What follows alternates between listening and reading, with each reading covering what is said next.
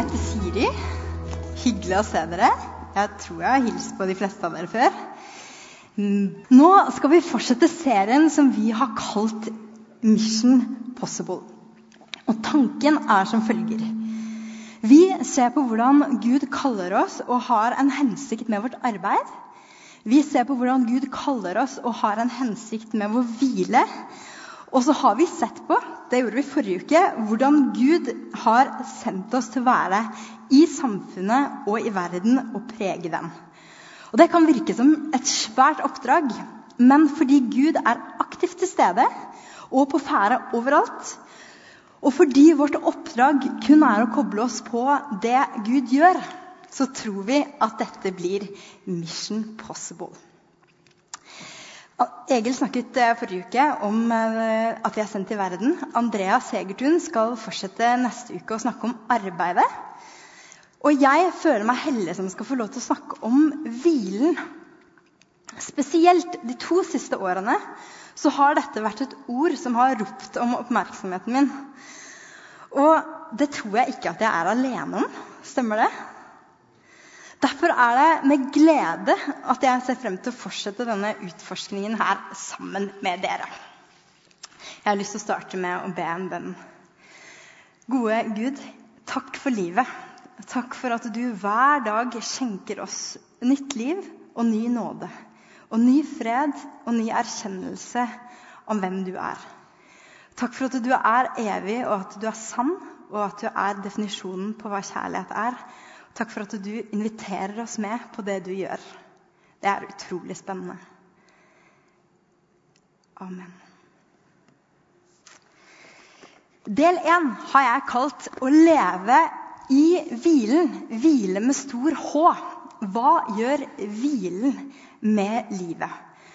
Og jeg har hatt denne søndagen her surrende i hodet, som man ofte gjør da, som forkynner. Og jeg tenkte at jeg skal starte denne talen med å være litt sånn nådeløs og bare kaste ut tre sånne kroker med en gang, som forhåpentligvis jeg vil ta og nappe i i løpet av de neste minuttene. Første, den første kroken det er at jeg kom på en samtale jeg hadde med en venninne for noen år siden kanskje sånn to-tre år siden. Og hun ga seg ikke. Og, var, hun var helt sikker på at hun hadde rett. da. Og hun sa, 'Siri, du er ingen livsnyter.' Jeg bare 'Jo, det er jeg'. Jeg bare 'Nei, det er du ikke. Det er ikke noe livsnyter'. Jeg bare 'Jo, jeg har jo lyst til å være det. Jeg er det. Jeg mener at jeg er god på å nyte når jeg kan. Men det er kanskje ikke like ofte som andre. Men jeg syns jeg gjør det. Og så sa han 'Nei, det gjør du ikke'. Du er altfor ansvarsfull til å være en livsnyter. Jeg vet ikke om jeg helt likte det. Jeg, altså, jeg likte ikke det helt. Vi ble aldri helt enige om hvem som hadde rett. da. Det var første kroken. Fører meg over til krok nummer to. Og det er dette spørsmålet her som ikke jeg tror at jeg er disse spørsmålene som jeg ikke tror at jeg er alene om. Jeg tror at dette dukker opp i mange av deres hoder også disse eksistensielle spørsmålene som sier hva er det sterkeste altså Hva kan gi størst avtrykk med livet mitt? På hvilken måte kan jeg få det til å snakke høyest om Gud? Og hva har jeg lyst til skal høres tydeligst? Svære spørsmål. Krok tre. Her om dagen så leste jeg, en, eh, leste på en nettside som er lagd for unge kristne, der man skriver artikler som skal være til hjelp i disippelskapet sitt. Og Det er overhodet ingenting galt med den nettsiden. Men når jeg leste disse to spørsmålene her, så fikk det seg til å krølle Det var liksom et eller annet i meg som krølla seg litt. Der sto det Kan man hvile med god samvittighet som kristen? Har en disippel av Jesus egentlig lov til å hvile? Før jeg svarer ja eller nei på det spørsmålet, så syns jeg at vi skal gå til noen spennende vers som er skrevet av en ukjent forfatter i Det nye testamentet. Det er mye som tyder på at det er Paulus, men vi er ikke 100 sikre. Men fint er det, det som står der uansett. Hebrebrevet kapittel 4, fra vers 4 til 13. Overskriften her det er 'Guds folk har en hvile i vente'. Litt nøye. Siden løftet om å få komme inn til Guds hvile enda ikke er oppfylt, må vi være på vakt så det ikke skjer at noen av dere blir liggende etter. Det glade budskap er jo forkynt både for oss og for dem. Men de hadde ikke noe gagn av ordet de hørte, fordi det ikke ved troen ble ett med dem som hørte det. Spennende setning. Det er vi som går inn til hvilen, vi som tror. Fortsetter videre i teksten. Guds verk var riktignok fullført allerede da verden ble skapt. For ett sted står det om den sjuende dagen. Så hvilte Gud på den sjuende dagen etter at han hadde fullført hele sitt verk. Men her sier han at de skal aldri komme inn til min hvile. Altså er det ennå slik at noen skal komme inn til hvilen. De som først fikk det glade budskapet, kom ikke inn, for de var ulydige. Derfor fastsetter han på ny en dag. Det er det han gjør når han lang tid etter gjennom David, kong David taler det ordet vi har hør, før hørt nevnt. I dag, om dere hører hans røst, så forherd ikke deres hjerter. Hadde Josva Nå snakker vi Gamle testamentet, vi snakker Egypt, vi snakker om ørken. Vi snakker om et, løfte, eh, et uh, lovet land. Hadde Josva ført folket inn til hvilen, ville ikke Gud senere ha talt om en annen dag. Altså er det fremdeles en hviledag i vente for Guds folk. Den som kommer inn til hans hvile, får jo hvile fra sine gjerninger, liksom Gud hvilte etter sine gjerninger. La oss da streve etter å komme inn til denne hvilen, så ingen er ulydige og faller. Vi må ikke følge deres eksempel som var ulydig i ørkenen. For Guds ord er levende og virkekraftig, og det er sterkere enn noe tveegget sverd. Det trenger gjennom. Guds ord, ikke bare Bibelen, men når Gud snakker til deg, det trenger gjennom. Det trenger gjennom til det kløver sjel og ånd, marg og ben og dømmer hjertets tanker og planer. Ingen skapning er skjult for ham. Alt ligger nakent og bart for ham som skal stå til regnskap for. Disse versene her, Men de hadde ikke noe gagn av ordet de hørte. Fordi det ikke ved troen ble ett som hørte det. Men det er vi som går inn til hvilen, vi som tror. Og her det kan hende jeg banner i kirken nå, men jeg tror ikke det her handler om hva som skjer etter, altså når vi dør. Jeg tror dette er mye større og mye kraftigere enn en dag der fremme. Jeg tror det handler om nå. jeg. Akkurat her og nå så tror jeg Gud har lyst til å vise oss en hvile. Så la oss da streve, står det, for, for å komme inn til denne hvilen. En paradoksal, rar setning. Men kul! At vi skal streve, hige etter å komme inn til denne hvilen. Men hvilen som det snakkes om her, det er ikke et sted. Men det er en tilstand. Og hvordan er det vi vet det? Jo, fordi mennesket fant ikke den hvilen de søkte etter. Når de kom ut av ørkenen, når de var i ørkenen etter ørkenen. De, de fant det ikke. Og hvor mange av oss er det ikke som har et sånt forhold til hytta? Bare jeg kommer til hytta, så blir liksom alt bra. Da kommer hvilen. Eller hvis, du, hvis det bare blir freda. Bare blir freda, liksom. Da blir verden god. Men hvilken hvile er det Gud snakker om her? Og hva betyr det at troen er nøkkelen? Da kan det jo hende at noens refleks er men, men hva gjør jeg da? Hvis det er troen som er nøkkelen, hva gjør jeg da med tvilen min? Jeg, jeg vet at det, tvil det er noe de aller fleste mennesker kjenner på i en eller annen grad. Men for meg så har det vært en stor hjelp, og noe jeg fortsatt driver og utforsker. Hvis jeg bytter ut ordet tro med tillit At jeg ikke bare men i hodet mitt tror på Gud, men at jeg har en tillit til Gud. Jeg trenger ikke aldri forstå Gud. Jeg. jeg har en tillit til at han vet mer enn meg. Jeg kan hvile i at han er større enn meg, og at han vil meg vel. At han vil noe godt med livet mitt. Det kan jeg hvile i, og det kan jeg ha en tillit til. Og Derfor så blir også noe av den tolkningen som jeg gjør ut av denne teksten, det er at når vi aksepterer hvem Gud er, så faller noe på plass inni oss. Når vi aksepterer at Gud har forsonet, oss med seg, han har forsonet verden med seg selv Om ikke hele hodet skjønner hva dette her betyr, at det ikke er noe, noe som skiller deg og Gud, så tror jeg at det er noe inni oss som egentlig har visst dette her veldig lenge. I Bibelen så står det at evigheten er lagt ned i menneskets hjerte. Det er ikke sånn at en dag når jeg ble 17 år og bestemte meg for å bli en sånn hardcore kristen, at det var først da jeg kjente Gud. Jeg har kjent Gud fra jeg var en liten jente. Og hvorfor det? Det er fordi at det ligger i oss. Så hver gang du kjenner at du får en åpenbaring av Gud, så er det fordi du gjenkjenner noe som ligger der. Som du er skapt med, som du er skapt til. Og som Gud er både skaper av og fullender av. Jeg syns det er nydelig å tenke sånn at når vi feirer påske, så er det det det handler om. At det ikke er avstand mellom Gud og meg. At det ikke er noe sted i verden jeg kan gå, eller noe sted inni meg hvor Gud ikke er og der Gud ikke har lyst til å være. For Gud vet alt, og han er tålmodig, og han vurderer aldri å forlate meg. Hvorfor hvor skulle han egentlig dratt? Det har jeg tenkt på noen ganger. Hvor skal Gud gå? Han har skapt verden, og han elsker skaperverket sitt. Han elsker skaperverket sitt.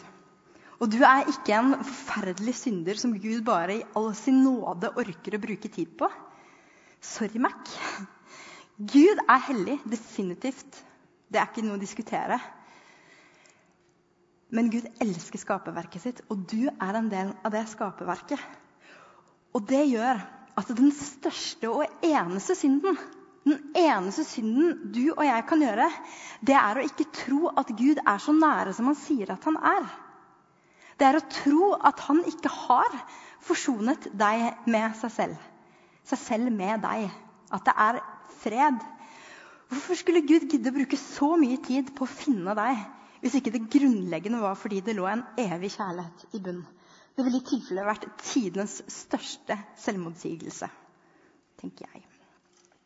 En hvile som ikke handler om å hvile middag, men en helt annen måte å betrakte og forholde seg til livet på, det er det hebreerbrevet tar og inviterer oss til og gir oss en smakebit på. Og jeg håper at vi fortsetter å smatte på det etter at vi har gått ut av dette gudstjenesterommet. Innimellom så møter vi på noen sånne mennesker. Jeg vet ikke med deg, men jeg har møtt noen sånne mennesker som jeg føler har fått smaken på hvile med stor H. Hvilen med stor H. Som ikke higer, som ikke jager, men som holder kursen. Som er klokkeklare på hva de vil. De er klokkeklare på misjonen de lever med. Men de gjør det ikke for å bli likt. De gjør det ikke for å få skryt eller få posisjon, få en belønning. Men de gjør det fordi de har hørt Guds levende ord som kløver. Og de har fått en erfaring av at det å lytte og la seg lede av den stemmen, det gir retning for livet. Og så gir det en dyp tilfredsstillelse. Jeg sier ikke at det blir den enkleste veien.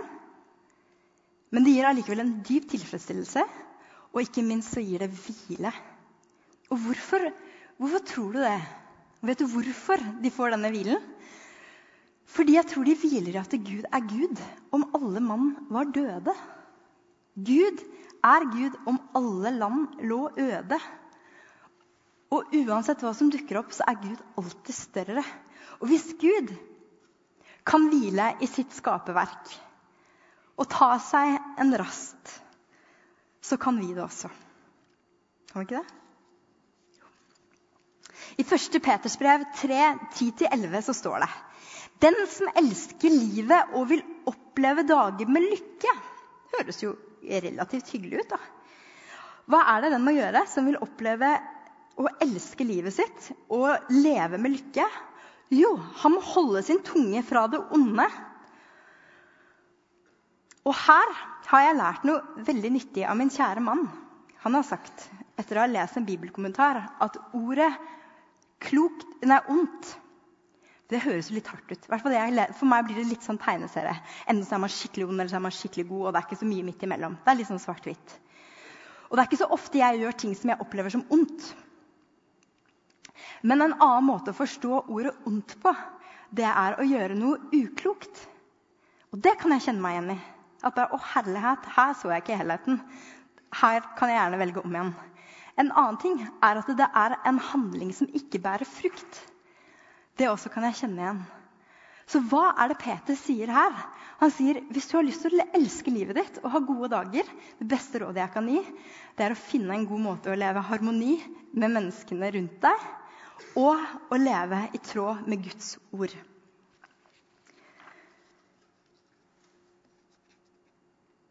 Og jeg tror også at når vi gjør disse tingene her, så fylles livet helt automatisk med en dyp hviletilstand. Fordi det hjelper jo ikke med en fridag hvis det er krig i brystet. Gjør det det? Hjelper i hvert fall ikke for meg. Det hjelper ikke med åtte ukers sommerferie engang. Hvis ikke det er ro inni her. Så hvile er det viktig å få tak i. Og når vi også vet da, at livet vårt er åpent fremfor Gud, at han kjenner oss, og ikke minst at han skjønner oss, da slipper vi dette skuespillet som det er så lett å ta og begynne med. Og så kan man leve åpent isteden. Så kan det hende du tenker at vi snakker om Mission Possible og vi snakker om viktige ting. Er det ikke sånn at Gud har hast? Er det ikke sånn at Gud vil at det er kjempemasse vi skal gjøre før Jesus kommer tilbake? Vi vet jo ikke helt hvordan det ser ut, da. Må jo bare si det. Men jeg tror at Gud har skikkelig hast. Og jeg tror det er ofte at han blir helt sprø av oss fordi det han vil at vi aller mest skal gjøre, det er å roe ned. Han har hast med at vi skal roe oss ned. For når vi blir raske, så har vi også en tendens til å bli vanvittig grunne. For det er ingenting som rekker å synke før vi har beveget oss videre. Og når alle menneskemøter vi har, det er bare på vei et sted, på vei til noe annet, på vei til noe bedre, på vei til noe mer lukrativt Eller når alle bøker vi leser, om vi leser, eh, det er med hodet delvis i linjene eller på Instagram Da skjer det med oss over tid, tror jeg. Jeg har hatt veldig mange gode dager i livet mitt. I går ble jeg 33. En ny anledning til å stoppe opp og tenke på gledene ved livet og alt jeg er takknemlig for. Men jeg vet hvilke dager jeg har hatt og har et anstrengt og vondt forhold til. Og det er heldigvis blitt litt færre av de, men opp gjennom livet mitt så har jeg hatt altfor mange dager hvor jeg har hatt fri med dårlig samvittighet. Og det er det mest meningsløse på denne kloden. Altså det er, alt ved den setningen syns jeg er patetisk å hvile med dårlig samvittighet. I hvert fall når man vet at det, er det noe jeg fortjener nå, og noe jeg trenger, ikke minst, så er det å hvile. Og Det, er derfor det ikke bare liksom krøller seg litt i meg når jeg leser disse to setningene fra den artikkelen om man egentlig har lov til å hvile som en disippel. Men så blir jeg, jeg blir litt mer enn det. For jeg blir litt sånn hellig vred. Jeg blir rett og slett litt sånn fordi hvordan er det vi egentlig som kristne hvordan er det vi ser på livet? Hva er det som vi ser på som meningsfylt, og hva er det vi ser på som rikt? Hvor er, på en måte, noen ganger så føler jeg at det, her har vi sagt at dette er Gud, og her er ikke Gud. Men det er, det er, jeg tror ikke det er sånn. Hva tenker vi om misjon? Hva tenker vi om kjærlighet? Ikke bare kjærlighet som er et ord vi kan si, men når det rekker å forflytte seg til å bli en fingertuppgreie. Og går det an å leve som en hengiven disippel som hviler uten et snev av dårlig samvittighet? Ja, det tror jeg. Jeg tror det går an. Fordi oppdraget det er ufattelig svært, men samtidig uendelig enkelt. Jeg tror at hver eneste dag på en eller annen måte så kommer Gud til oss. Til Marte og til Philip og til Christian og Charlotte og sier Du, i dag, 5. mai 2019, ny mulighet til å finne ut hvordan er ditt uttrykk for å uttrykke din kjærlighet til Gud, til medmennesker og til omgivelsene dine og til deg selv. Hvordan ser det ut i ditt liv? Jeg spør ikke hvordan det ser ut for alle, men, men hvordan ser det ut i ditt liv? Fordi hvordan vi elsker oss selv, Gud og hverandre, de tre er helt uatskillelige. Og enten vi liker å tro det eller ikke, så forteller de alltid noe om den andre. Hvis jeg sier at jeg er for viktig til å hvile, så sier jeg indirekte noe om hvordan jeg tror Gud ser på meg. Hvis Jeg, det står i Bibelen at hvis du sier at du elsker Gud som du ikke ser Eller hvordan kan du si at du elsker en Gud du ikke ser, når du ikke rekker ut en hånd til broren din som du har rett foran deg, og som du kan se? Jeg tror de tingene henger helt, helt sammen. Så hvilen med stor H, den finner vi i Kristi ansikt. Og jeg tror vi bare finner den der. Han som har sagt at det er fullbrakt. Kjære menneskehet, det er ingenting mer dere kan gjøre fra eller til. Han som sa at 'kom til meg, alle dere som strever, og jeg vil gi dere hvile'. Nei, ikke mer penger, ikke mer fritid. Ikke, jeg vil gi dere hvile. Han som sa at det er min fred jeg gir dere.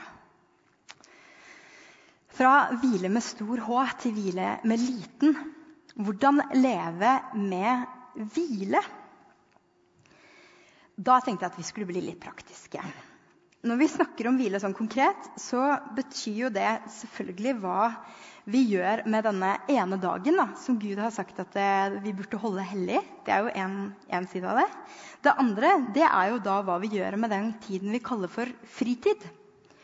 Og fritid det kan defineres som den tiden vi har til rådighet utenom arbeid, husarbeid og personlige behov som måltider beklager, og søvn. Og det å ha tilstrekkelig med fritid, det, det, det er, sier de er veldig bra. Nok fritid, sånn at du har en god balanse mellom arbeid og familie og tid til å være med venner, drive med fysisk aktivitet og hvile. Det er med på å gi en høyere livskvalitet. Hvor mye en person har med fritid, det varierer, varierer i løpet av et eh, livsløp. Og i internasjonal sammenheng så er Norge blant landene i verden som har en befolkning der det er god balanse mellom arbeid og fritid. Selv de som har fulltidsjobber, har fritid, og mer enn i veldig mange andre land. Da er det store spørsmålet dere. Hvor mange timer tror du en gjennomsnittlig nordmann har med fritid per dag? Og nå vet vi at vi kan trekke fra husarbeid og søvn og sånne ting. Hvor mange timer tror dere at vi har? Seks timer! Du har hørt denne tallen tre ganger før. Men du har fulgt med, og det er pluss for det. Seks timer. Hvor mange minutter? Hæ? 19. Det er helt riktig. 6 timer og 19 minutter. Hvor mange timer blir det i løpet av en uke? Hmm, jeg har regna for oss. 43 timer og 33 minutter. Og så vet vi at året har 52, time, 52 uker. Hvor mange timer blir det i løpet av et år? Hold deg fast.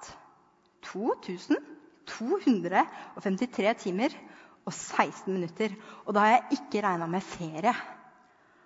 Tror du vi er fornøyd med antall timer vi har fritid? da? What does our American friends think? Vet du hva, Vi er ikke så veldig fornøyd med antall timer fritid. Det er 51% som er fornøyd. Resten syns de har for lite. De er de yngste og de eldste i befolkningen som har eh, mest fritid, mens personer i alderen 25-44 har minst. Hvor mange er i alderen 25-44 her inne? Ikke sant? Vi har det ganske tøft.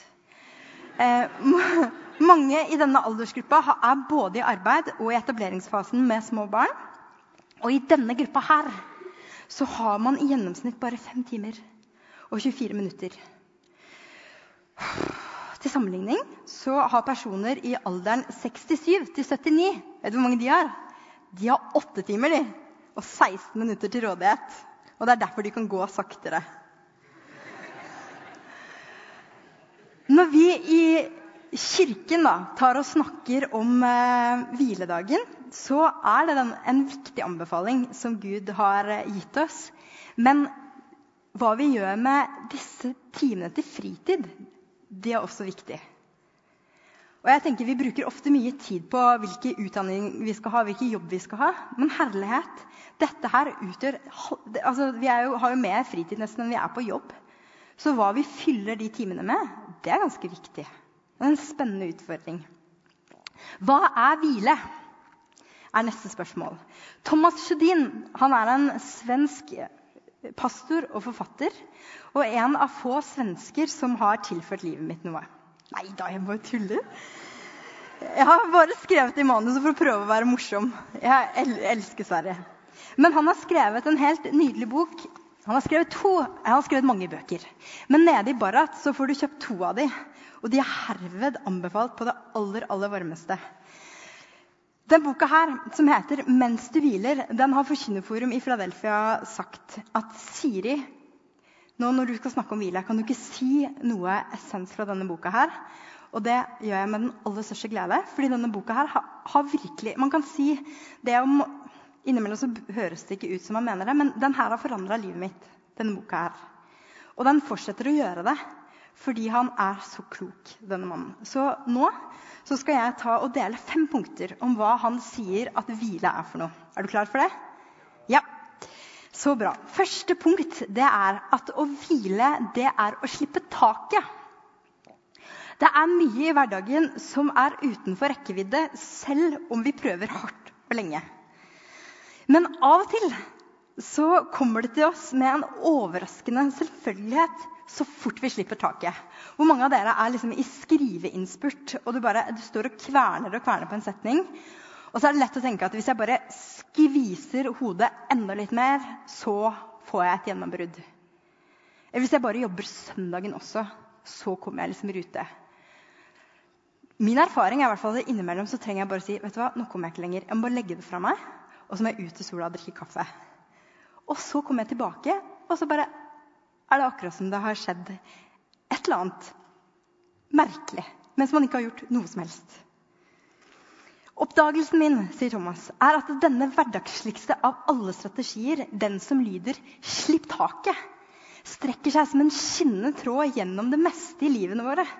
Den åpner svimlende perspektiver i kjærligheten.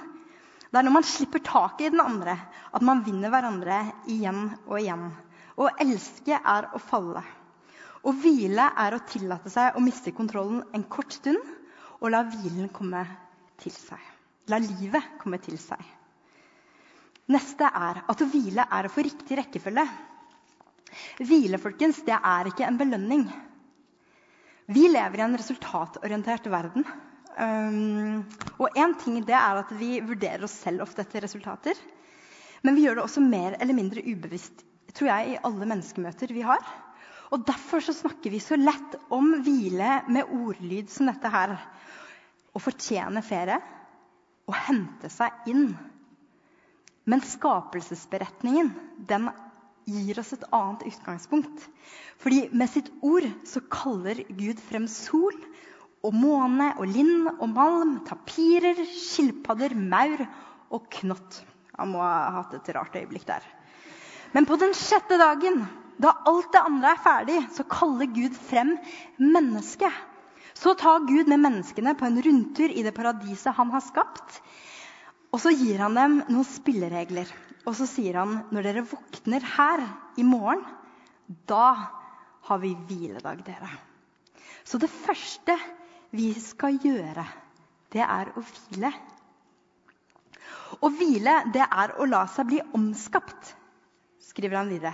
Et annet ord for hvile, det er rekreasjon. Recreation. Som betyr å gjenskape eller nyskape. Og denne nyskapelsen den skjer i kroppen vår hver eneste natt når vi sover. Men det skjer også med sjelen vår i våken tilstand. På samme måte som skapelsen ikke tok slutt etter skapelsesuken, så trenger også sjelslivet vårt, sjelsevnene våre og tankene våre å bli nyskapt og gjenskapt igjen og igjen. Det er det som er rekreasjon. Og vi velger hvile. Og så lar vi det skje med oss, det som skjer. Vi hviler fra fremskritt, fra forbedring, fra forandring. Og så lar vi ting bare få være sånn som de er en liten stund. Og ut av dette her, hvor bakvendt det enn må virke, så kan noe mindre krampaktig vokse frem. Så la alt vi gjør, begynne i hvile i stedet for å ende opp der med et dypt sukk. Teolog Gøran Larsson har sagt at hvile det er ikke det samme som passivitet. Sann hvile det krever noe annet enn avkobling. Å puste inn like mye som å puste ut, like mye som å hvile fra noe, innebærer den å hvile i noe. Jeg syns disse tallene jeg nettopp har lest, er paradoksale. For jeg tror norsk ungdom og unge voksne har aldri hatt mer fritid enn det vi har. Allikevel er vi fryktelig slitne. Så hva er det vi gjør med den tiden vi har til å hvile? Hva gjør vi med den? Hva fyller vi den med? Lar vi det bli nyskapende inni oss, eller tar vi fortsatt bare og zapper eller scroller? Eller gjør noe som egentlig ikke mater sjelen vår? Å hvile er forandring. Jeg innrømmer det med en gang. Jeg elsker forandring. I dag spiser jeg frokost på andre siden av bordet bare fordi det er gøy med forandring. Det var det punktet. Neste punkt å hvile er begrensninger. Og nå kommer det et sitat som jeg syns er helt fantastisk. Det er en ledesnor, så lytt nøye etter. For å vinne det livet vi dypest sett lengter etter, så må vi være innstilt på å gi, eh, gå glipp av andre tenkelige liv. Hørte du hva jeg sa? Det er grenser for mye et liv kan romme. Derfor handler hvile også om å begrense seg eller å tilsidesette gode ting i riktig rekkefølge. Pappaen min har alltid sagt Siri, du blir sliten også av ting som er gøy. Og det tenker Man jo ikke alltid. Man blir sliten av det man må gjøre. Men blir ikke det. Hvis du har for mange ting som er gøy, så blir du sliten. Jeg sa i innledningen min hva er det sterkeste jeg kan gjøre med livet mitt? Få det til å snakke høyest om Gud. Hva er det som skal være tydeligst? Og der tror jeg at det er så enkelt for meg som det er for deg. Og det er det store oppdraget med å leve livet ditt. Leve livet ditt. Ikke forsøke å få det til å ligne på noen andres eller bli drevet av drivkrefter som ikke er dine egne. Det skjer fryktelig fort. Er det noen som kjenner seg igjen i det? At plutselig så bare Oi, jeg er i et eller annet gir, men er det mitt? Det skjedde noe med meg fredag 17.11.2017. Da var jeg på min første date med Knut Johan. Han er veldig fin og er eh, mitt største forbilde på så mange ting. nå ble jeg rørt, ikke sant? Typisk. Åh, men mandag 20.11. så var det klart. Skulle jeg holde følge med han der, så måtte jeg roe meg ned. Og jeg måtte roe ned farta. Hørte du hva jeg sa? skulle jeg holde følge med han, så måtte jeg skru ned farta. For jeg var Duracell. Men hva var det egentlig jeg skulle rekke Hvor var det jeg skulle hele tiden? Var jeg redd for å kjede meg? Var jeg redd for at livet ikke skulle være fylt med mange nok ting? Eller var det noe mye skumlere? Kunne det være at jeg ubevisst var pisket av disse spørsmålene? Kan man hvile med god samvittighet som kristen? har en disippel av Jesus egentlig lov til å hvile? Og Gud forby at jeg ble sett på som en livsnytter. For er vi ikke kalt til å være martyrer? Og så da, til der hvor skoen virkelig trykker, som jeg går inn i avslutningen nå. Det er hvordan få det til å gå opp med fritid og hvile og arbeid og forpliktelser når det Eller ta ansvar for hvilen når det ikke virker som det går opp. For vi vet alle at det er helt uproblematisk å betale regninger når det er penger på konto. Men hvordan ta hvilen på alvor når livet er fylt til randen med forpliktelser? Og når det ikke føles som om regnskapet går opp, hva gjør du da? I kapittel 16 i denne boka så har Sjødin skrevet et kapittel som han har kalt for 'Kjærlighetens ly'. Og jeg har lyst til å lese, jeg har lyst til å fortelle med Thomas sine egne ord. Og som en innledning så har de, han og kona vært utrolig usikre på om de skal reise på ferie. Men så har de landa på at jo, de, trenger, de trenger et avbrekk. Så de reiser på tur. Ett spørsmål gjenstår. Det må stilles. Siden en del av det som skjer mens vi hviler, er vanskelig å leve videre med. Har vi lov til å hvile fra det vi elsker aller høyest i livet? Jeg tenker på alle dem som pleier en alvorlig syk livsledsager På foreldre som trengs sårt, men som er altfor slitne. På voksne barn som mens alt står på som verst, også må bli foreldre til sine egne foreldre. Kan man i det hele tatt snakke om viktigheten av ens egen hvile da? Jeg tror det. Jeg tror til og med at det er nødvendig å gjøre det. Å slippe taket kan iblant føre til at man aldri igjen får holde rundt hverandre. Likevel hevder jeg at å hvile er å ta ansvar. Å hvile er å elske. Det ligger en liten by, en liten vakker havneby i Liguria i Italia som vi aldri vil vende tilbake til. Like fullt vender vi tilbake dit nesten hver dag. I tankene og i følelsene. Det var mens vi sto der og kikket utover det asurblå havet, at vår eldste sønn, sønns liv tok slutt. Vi er mange som kjenner følelsen av å stå som en fremmed i verden med en mobiltelefon i den ene hånda og et blødende og hamrende hjerte i den andre. Den konkrete situasjonen er bare vår. Men følelsen av å være på feil sted til feil tid, den er det mange som kjenner, og mange som deler. Og kanskje er det dette øyeblikket som har forent oss med flest mennesker uvirkelig nok. Men virkeligheten er aldri lenger borte enn en telefonsamtale. Mer enn ti år er passert fra da til nå. Likevel er det som om døden alltid kommer en dag for tidlig. Siden Carl Petters sykdom var uhelbredelig, visste vi at han skulle dø. Selv om vi ikke trodde at det ville skje først før om noen år frem i tid. Vi hadde levert han på hjemmet for korttidsopphold, der han trivdes så godt. Og så hadde vi kjørt gjennom Europa og var nesten fremme ved målet. Bare et par timer tidligere, idet vi kommer kjørende ut av munningen ved St. Gotthardstunnelen, fra kulde og regn på den ene siden av Alpene til sol og varme på den andre, hadde jeg sagt til reisefølget vårt at dette nok måtte være den vakreste dagen i livet mitt. Da vi ankom den italienske nordkysten, tok vi av fra den hardt trafikkerte motorveien til en liten fiskelandsby for en sårt tiltrengt rast. Den mellomste sønnen vår så en butikk som solgte svømmeføtter og dykkerbriller litt borti gata, og sprang dit.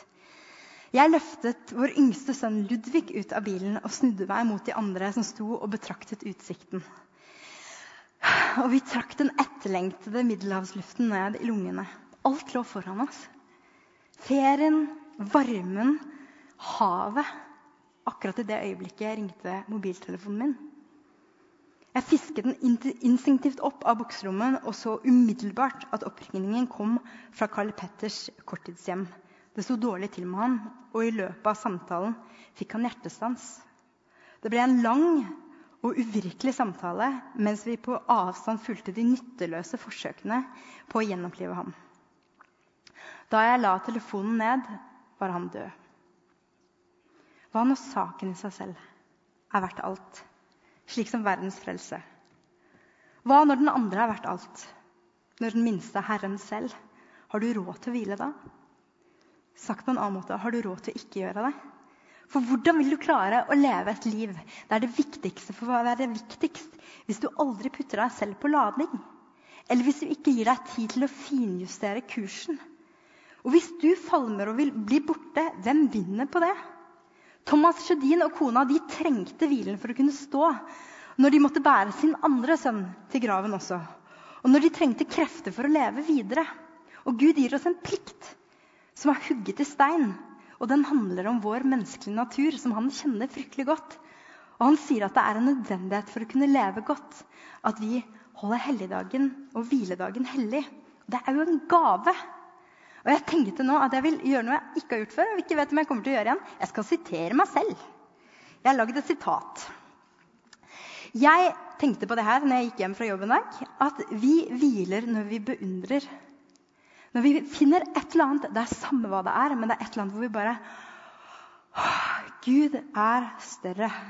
Og når vi kan beundre og betrakte, så skjer det et eller annet inni oss. Når vi går i et tempo som gjør at vi ser, når vi lever i takt med oss selv, når vi gjør de tingene vi elsker å gjøre, når vi er medmenneske, når vi puster inn gudsnærværet og Guds, nær, ja, Guds, måte, ja, gudsnærværet som en stille trosbekjennelse, da kan vi gjøre noe så fint som å hellige tiden. Og det er å hviske til oss selv at nå er det lov å bare slippe taket, la humla suse. Hvile først For med riktig utgangspunkt så følger velsignelsen med på resten av ferden. Vil at det skal skje en rekreasjon i oss der vi hviler fra fremskritt, forbedringer og forandringer. Men lar alt bare ligge litt, og så se hva som skjer når prestasjonen er satt på pause. Kanskje det da tar å vokse frem noe som både er mer levende og mindre krampaktig. Ferie er å gjøre noe annet, sies det. Hvilen forutsetter forandring, samme hva det er fra og til. Men at det skjer, det er en forutsetning. Og så til det siste, som er det største hvile. Den kommer når du faller til ro, men at det er ditt liv du skal leve. Helt og fullt og våkent og nært, med en visshet om at Gud snakker til deg. Gud er i deg. Du trenger ikke svaret der ute. Du har det. Hvilen som bærer gjennom alt, er at Gud holder, og han holder deg. Og han omgir deg, og han fyller deg og utruster deg og kaller deg til å streve etter denne hvilen. En dyp og inderlig hvile. En hvile du ikke kan fremprovosere, men som du kun kan ta imot i hengiven tillit til skaperen av deg og av hvilen selv. Nå skal du hvert øyeblikk få høre en solosang. Men det jeg vil at det siste sitatet skal være med oss ut Forhåpentligvis mer enn bare det sitatet, men jeg syns det er så fint. Det står å hvile hjelper oss fra å måtte ha alt vi elsker, til å elske alt vi har. Her kan man også si at hvile og hvilen, Kristus med stor H, hjelper oss fra å måtte ha alt vi elsker, til å elske alt vi har. Nå skal